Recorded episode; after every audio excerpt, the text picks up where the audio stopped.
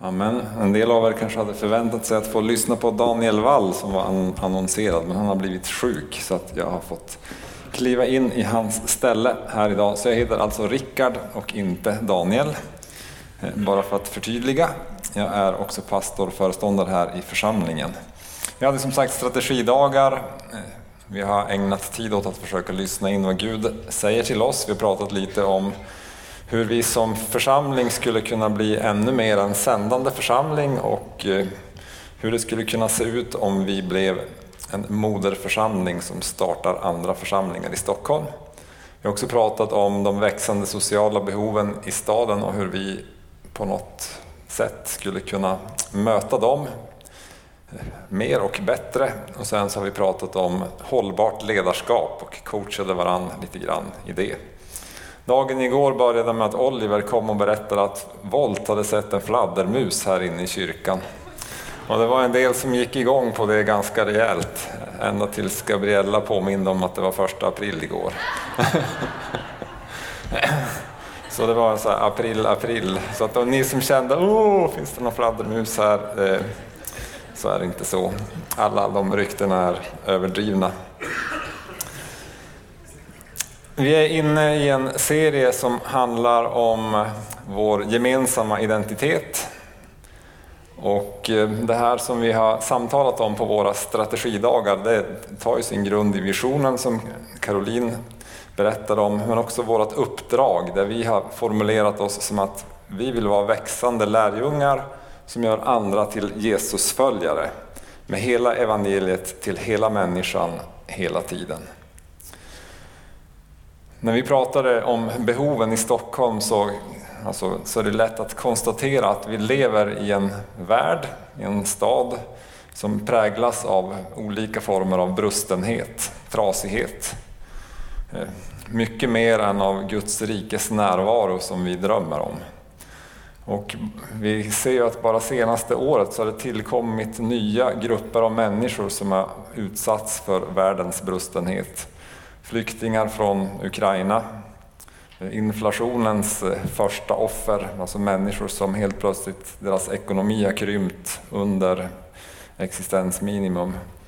Eh, ökad fattigdom i utsatta områden och ökande psykisk ohälsa.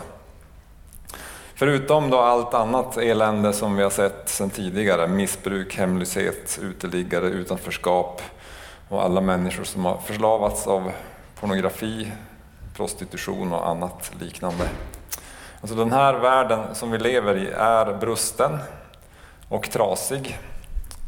Och eh, det är inte bara alltså, trashankarna, alltså det som syns, som är trasigt och brustet alltid, utan det finns ju också en brustenhet ibland i det som är mera välklätt och välkammat.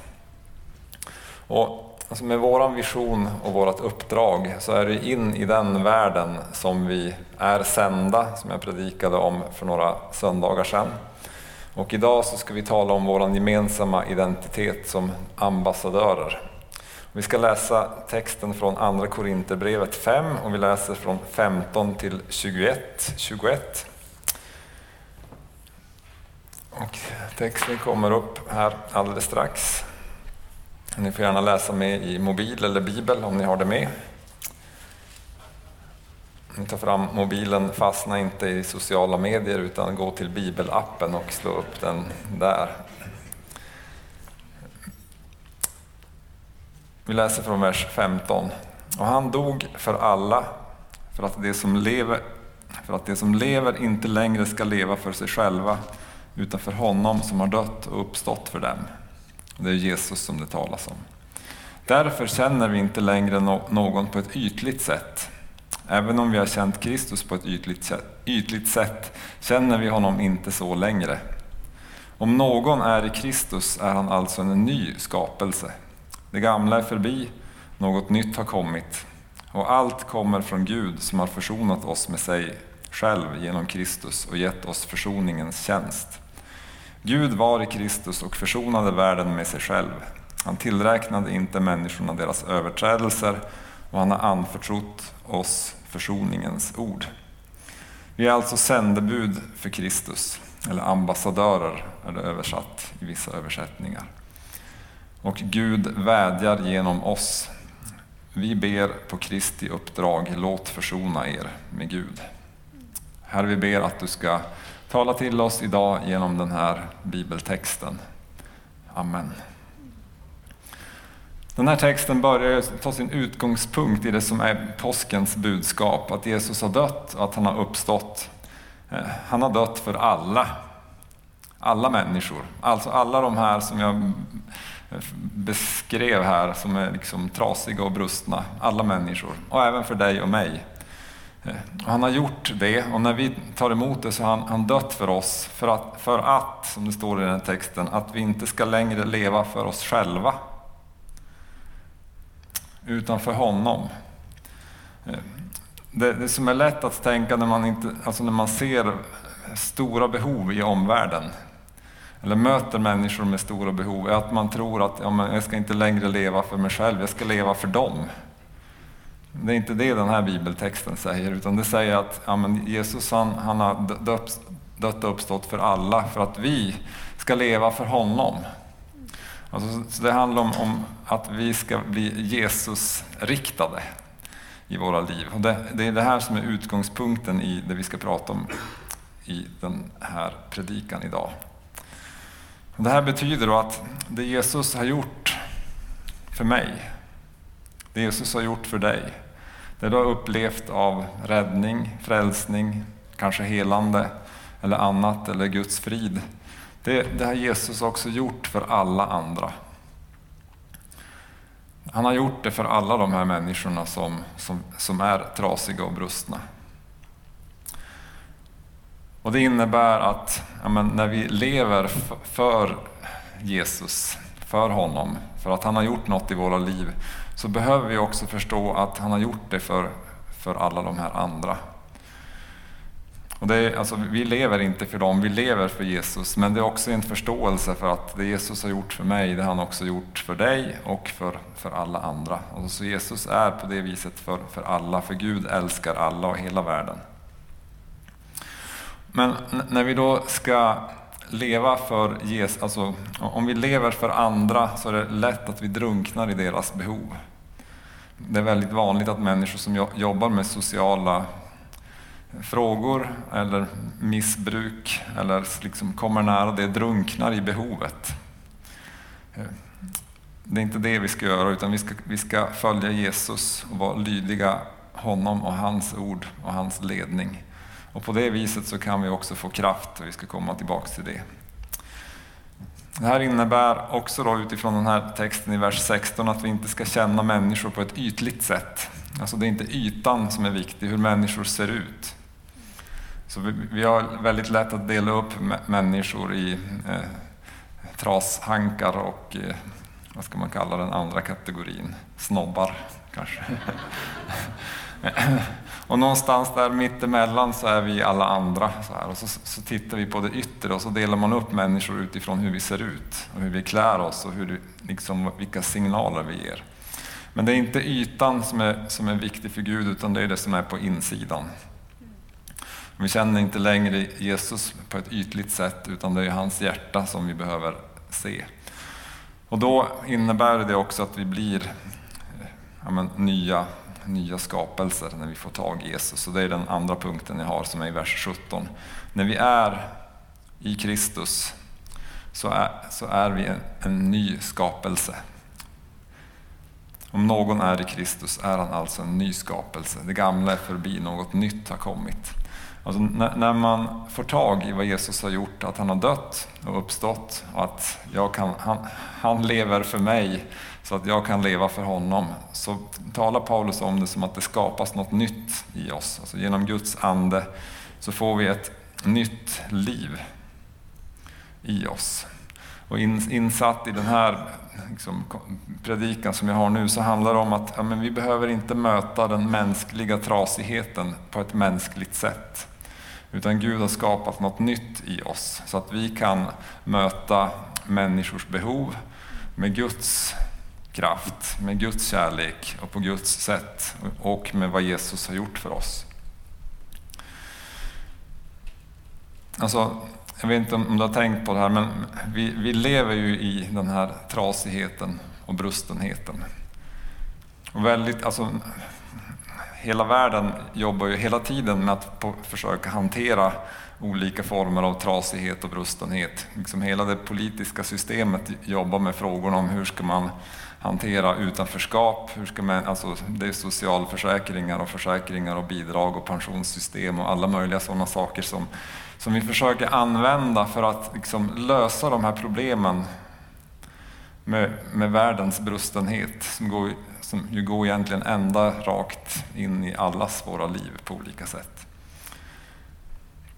Men väldigt ofta när vi, när vi möt, liksom skruvar på, på saker, både på systemnivå och på individnivå, på, på mänskliga sätt, så flyttar den här brustenheten sig någon annanstans och dyker upp på ett annat sätt.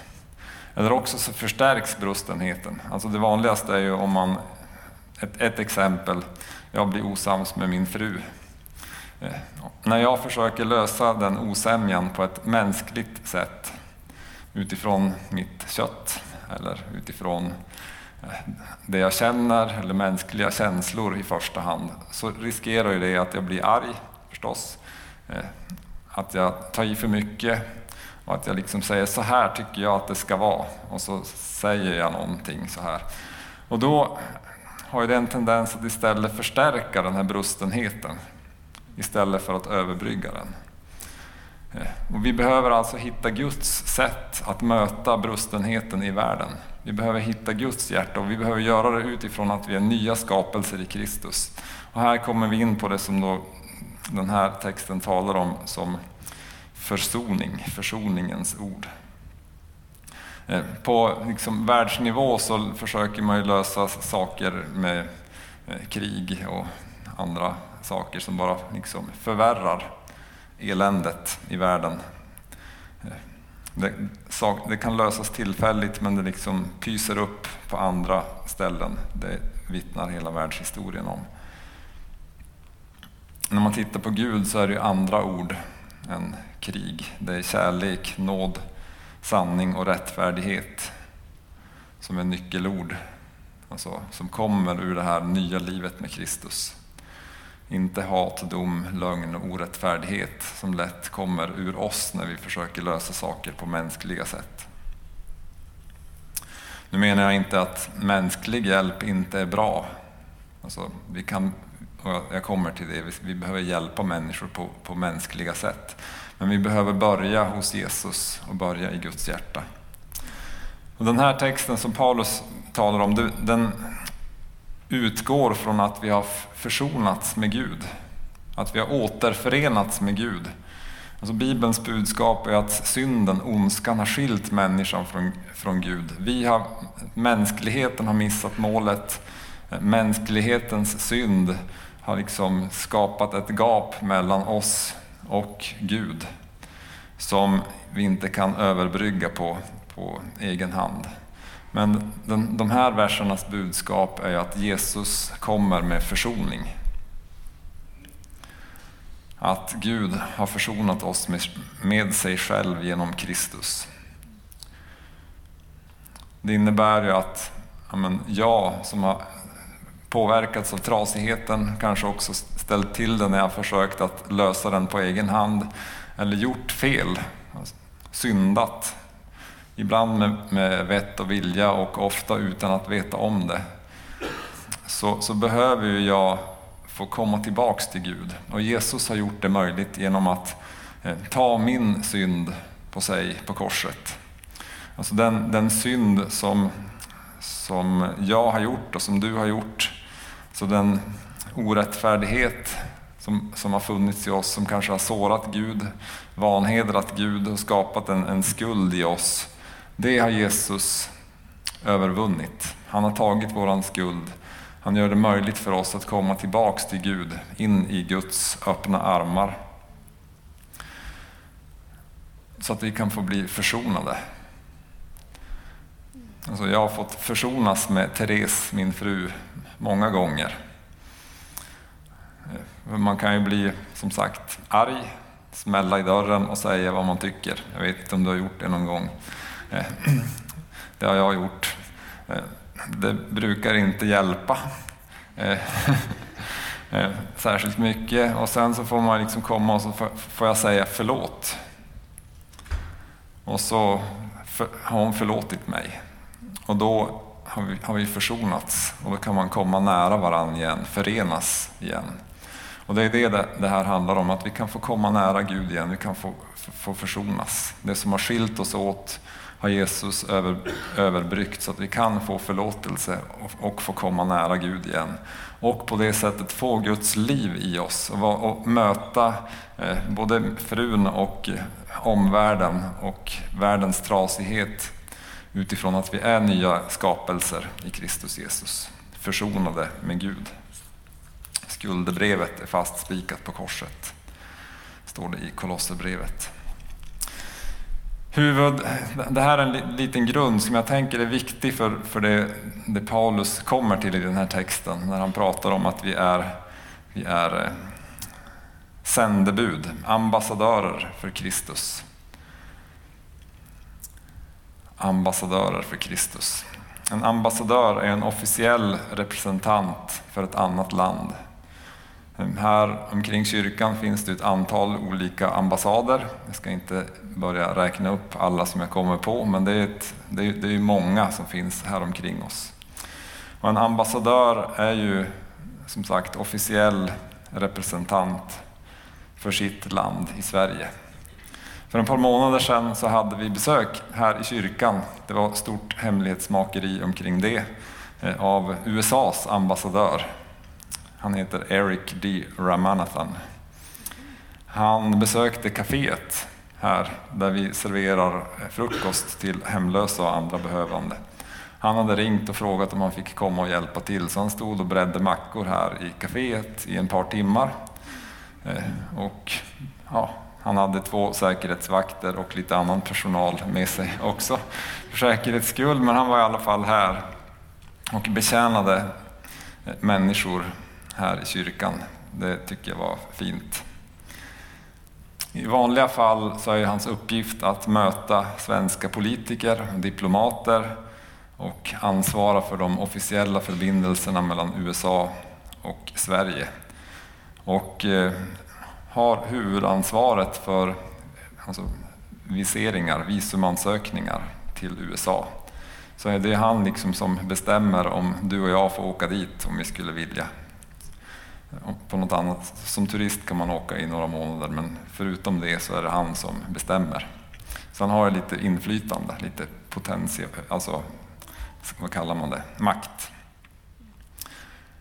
Paulus säger att vi är ambassadörer för Guds rike i försoningens tjänst. Det är en identitet som vi har både som enskilda men framförallt som församling, för det är det vi pratar om här mest. Det betyder att vi har en officiell ställning som Guds folk, som Guds representanter, som Guds ambassadörer med ett uppdrag här i Stockholm. Och det handlar om försoningens tjänst. Alltså det jag pratat om tidigare att eh, Jesus har dött och uppstått för oss så att vi kan försonas med Gud. Alltså det är något som vi enskilt får ta emot. Men det är också vårt uppdrag att förmedla och förkunna till andra människor som officiella representanter för Guds rike, för vad Jesus har gjort. Och det behöver vi ta med oss. Där vårt budskap behöver vara, låt er försonas med Gud. Och eh, Eftersom jag tänker att det är nyckeln till all brustenhet i världen, att vi försonas med Gud, så är det här också vårt huvuduppdrag. När vi tittar på världens brustenhet, när vi ser alla de här behoven, all nöd, så är svaret förstås att vi behöver hjälpa de människorna, men framför allt att de behöver få eh, visum till riket. De behöver få höra om Jesus, de behöver få komma, komma in i Guds rike. Eh, jag har lite svårt att eh, runda min berättelse här om när jag kom till Kolahalvön i Ryssland i början på 90-talet. 91 på hösten åkte vi till Apatiti på Kolahalvön i Ryssland. Eh, in i ett nytt land, in i en ny kultur, nytt språk, ny sorts mat. Eh, allt var annorlunda jämfört med, med Sverige. Och det, vi kom också in i ett skede där det var jättestora behov för att hela Sovjetimperiet höll på att braka ihop. Så det var brist på allt. Mat, kläder, värme, bensin, mediciner. Och I det här så blev den här texten jätteviktig för oss. Jag tror att det var lite lättare att förstå det här att vara ambassadör när, man, alltså när vi kom till ett annat land. För att vi förstod att vi representerade något annat. För att allt var så annorlunda och så olikt. Det är lite svårare när man är på hemmaplan att förstå att jag är ambassadör för ett annat land, ett annat rike. För vi har på något vis eh, assimilerats in i, alltså vant oss vid att vi lever i den här världen. Men där blev kontrasten mellan eh, alltså kyrkan hemma och det vi såg i den här stan i Ryssland så otroligt stor. Så vi hade lättare att tänka oss rollen som ambassadörer för ett annat rike. Och det här hjälpte oss också när vi, när vi såg alla behov. För vi insåg ju otroligt snabbt att med egen kraft kan vi inte göra någon skillnad alls. Utan vi behövde Guds, Guds hjälp. Och eh, vi började predika om Jesus. Vi predikade om korset, om att Gud förlåter synder och tar emot oss när vi tror på honom. Och vi fick se människor vända om, vi fick se många helanden, vi fick se upprättade liv och vi fick Fick se nya församlingar bildas. Vi fick också se hur Gud hjälpte många människor, för vi såg behov och vi kunde koppla ihop dem med, eh, både med Gud men också med, med eh, människor i Sverige som hade hjärta för att hjälpa till. Ett av mina starkaste minnen i det här var att vi stod på ett torg i en annan stad som heter Kandalaksha. Det var en av de första gångerna vi, vi, vi hade ett liksom så öppet torgmöte. Vi tänkte, får man ha det? Vad kommer att hända? Kommer någon att liksom... Eh, eh det hade följt efter oss en svart sån här eh, stor Volga, en rysk eh, alltså, eh, KGB-bil hela tiden och den stod parkerad en bit bort så här. Så vi visste att de höll koll på oss. vi tänkte, vad, vad kommer att hända? Men vi tänkte, ja men vi är här och Gud har sänt oss, vi är ambassadörer för Guds rike, så vi, vi kör. Så vi sjöng några sånger och sen hade jag lärt mig en fantastisk predikan på sex meningar på ryska och den har jag glömt eh, på ryska. Men det var så här, Gud har skapat människan. Så det ropade jag ut på torget. Alla människor har syndat. Så en fantastisk predikan så här långt. Gud älskar alla människor. Jesus dog för dina synder. Jesus vill förlåta din synd. Kom och ta emot honom. Alltså det var i princip ordagrann översättning, så lång var predikan. Men det som var spännande var att folk gav respons på det och kom fram och ville ta emot Jesus. Och jag var lite chockad faktiskt. Att okej, okay, här med, det var en liksom så stor stridsvagnsmonument över andra världskriget i, i bakgrunden också. Så det kändes lite absurt på många, många vis. Och sen så, min kompis han ropade ut, om någon vill bli helad så kan Jesus hela dig. Det var en ännu kortare predikan. Och så kom människor fram. Det kom, kom fram en kille som, som, som sa, ja men jag, jag är döv på ena örat, kan ni be för mig? Vad gör man när man har haft en fantastisk predikan? jo, man, man ber förstås. Så vi bad för honom och bad för hans öra och han blev han, han sa, ja nu kan jag höra, fantastiskt, tack, och så gick han. Eh, jag vet inte riktigt vad som hände mer än att han blev helad där. Alltså, och ja, jag bara, liksom, vi, vi förundrades och fascinerades över vad Gud kunde göra när vi bara ställde oss där och var de ambassadörer som, som Jesus har kallat oss att vara för hans rike.